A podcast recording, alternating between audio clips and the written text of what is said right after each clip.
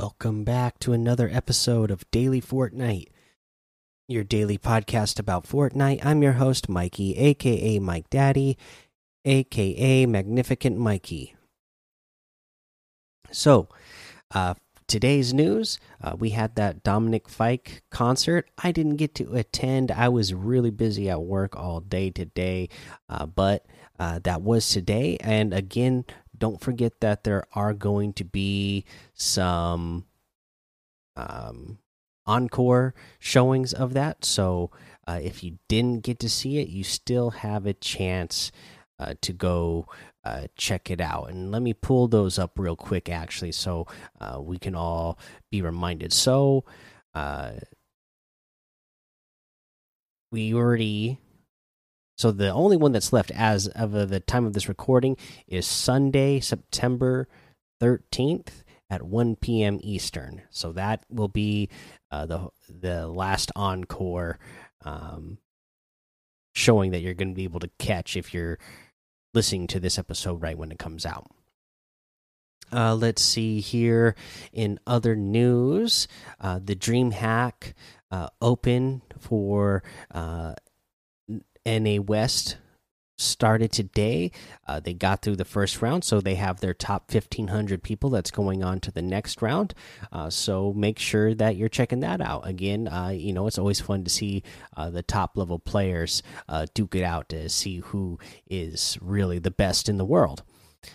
Uh, let's see here. That's all the real news I got for you today. So let's go ahead and go over weekly challenges. This is the one where you need to visit Pan Panther's Prowl. Uh, and this is over in E7. Uh, just, you know, it's west of Misty Meadows on top of the hill. I don't, uh, I mean, I know that we've gone over this location before, but just in case you forgot where that is, it is the uh, location over there in E7, just west of Misty Meadows. Uh, it's a you know got a big, huge rock with the uh, a panther on it. So there you go. That's where that is. That's how you and you literally just have to go there. You just go there. I mean, just when you jump off the bus, just go straight there and you'll get the challenge done in a single match in no time. Okay, let's go ahead and take a break right here. All right, now let's go over today's item shop, and it's a really good one. So it's really good because we still have all of the uh, superhero themed stuff from that Boundless set.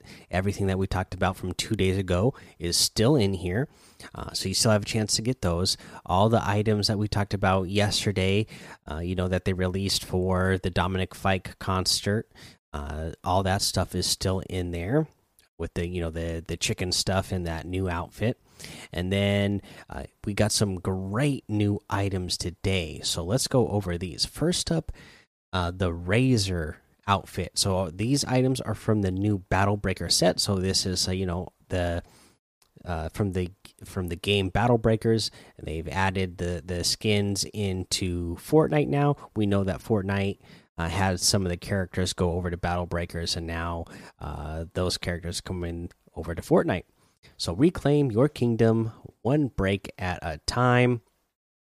Uh, this character uh, is the character that I think is the coolest character, just based off of whenever I see you know ads for the the uh, for that game Battle Breakers. This is the character I always see being uh, you know pretty much like front and center when I when I see it. So uh, I I do have to say I'm very familiar with the design of this character, and I really like the design of this character. So really cool to see it in Fortnite, and it fits perfectly, of course comes with the fierce cloud puff back bling fiercely adorable obsessed with cookies and sandwiches so uh, you know i don't really know anything about uh, the battle breakers game other than i downloaded it once uh, to get whatever reward it was at the time when they when they did that little crossover uh, event but uh, this this little back bling is very cute uh, as i said adorable uh, let's see here what else we have the Kurohomura outfit, uh, born of fire and destined for greatness. This is also part of the Battle Breaker set. It comes with the fire Vortex back bling, the swirling flame of the great beyond. So this set is 1,500. Uh, I really like this guy. I love the red skin with the uh, black tattoos all over him. Uh, love the big hair there. Uh, pretty cool. Uh, that animated back bling is actually uh, pretty cool as well with the fire vortex. You know the fire being all swirling around in the middle of it. It's pretty cool, and I I gotta say, absolutely love this guy's beard. I lo I love how it uh, is braided. Uh, I I wish I had a beard like that. I've had my beard really long before, but not that long and not uh, that epic of a, a braid. So pretty cool. Uh, let's see. Also kind of reminds me of Hellboy, right? Since we've been, you know, we've been talking about Marvel stuff lately. This guy definitely reminds me of Hellboy. Uh, let's see here. We got the Silver Flame wrap uh, as well. This is 500 V bucks, and this one it's uh, like they said, Silver Flame. So it's silver at the front of the item, and the silver is like in tiles of different shades of silver, and then it's uh, you know floating towards the back of the item, and the back of the item. Uh, whatever you're carrying or using is red, so silver and red theme. I like it. Also, the Battle Breakers music. Press play and break it down. This is 200 V bucks. I really like this song actually. Again, I haven't opened up my Battle Breakers game on my phone enough to really be familiar with it, but uh, listening to it here, uh, I was like, "Oh, okay, this is actually a pretty cool song," uh, and I wouldn't mind having it uh, to listen to in my lobby. That's for sure. Uh, we have the cryptic outfit in here today with the spectral spine backbling for 1,200 and the enigma wrap for 500. We have the sandstorm outfit for 1,200, the scimitar outfit for 1,200, the emblem wrap for 500, the chrono contrail for 400. We have the Bachii outfit with the Mochii back bling for 1,200, the Saxy groove music for 200, the electro swing emote for 500, have a seat emote for 200, the scoop the yeah, scoops and slices bundle.